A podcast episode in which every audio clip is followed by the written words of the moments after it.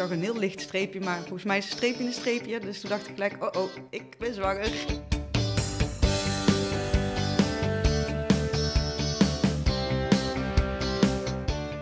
Binnenkort in je podcast-app, jouw zwangerschapsweek. De podcast van 24 Baby die met jou meereist door je zwangerschap. In jouw zwangerschapsweek maak je kennis met Diede, zwanger van haar eerste kind. Ja, mijn kind is uh, verwekt in een schuur. Ja, het is echt uh, een ernstig verhaal, maar goed. Verloskundige Maartje. En zelfs al ben je er nou letterlijk dag en nacht mee bezig als verloskundige, blijft dat een bijzonder moment. En ook een spannend moment. Roos van 24 Baby. Uh, dat is ook wel mooi om te zien, juist op het forum, dat mensen elkaar echt door die periode heen kunnen slepen en zeggen van wanneer heb jij hem en hoe was het? En met mij, René podcastmaker en moeder van twee kleine draken. En dan zelfs al zie je het op dat beeld, het blijft gewoon een heel raar idee dat dat in jou zit.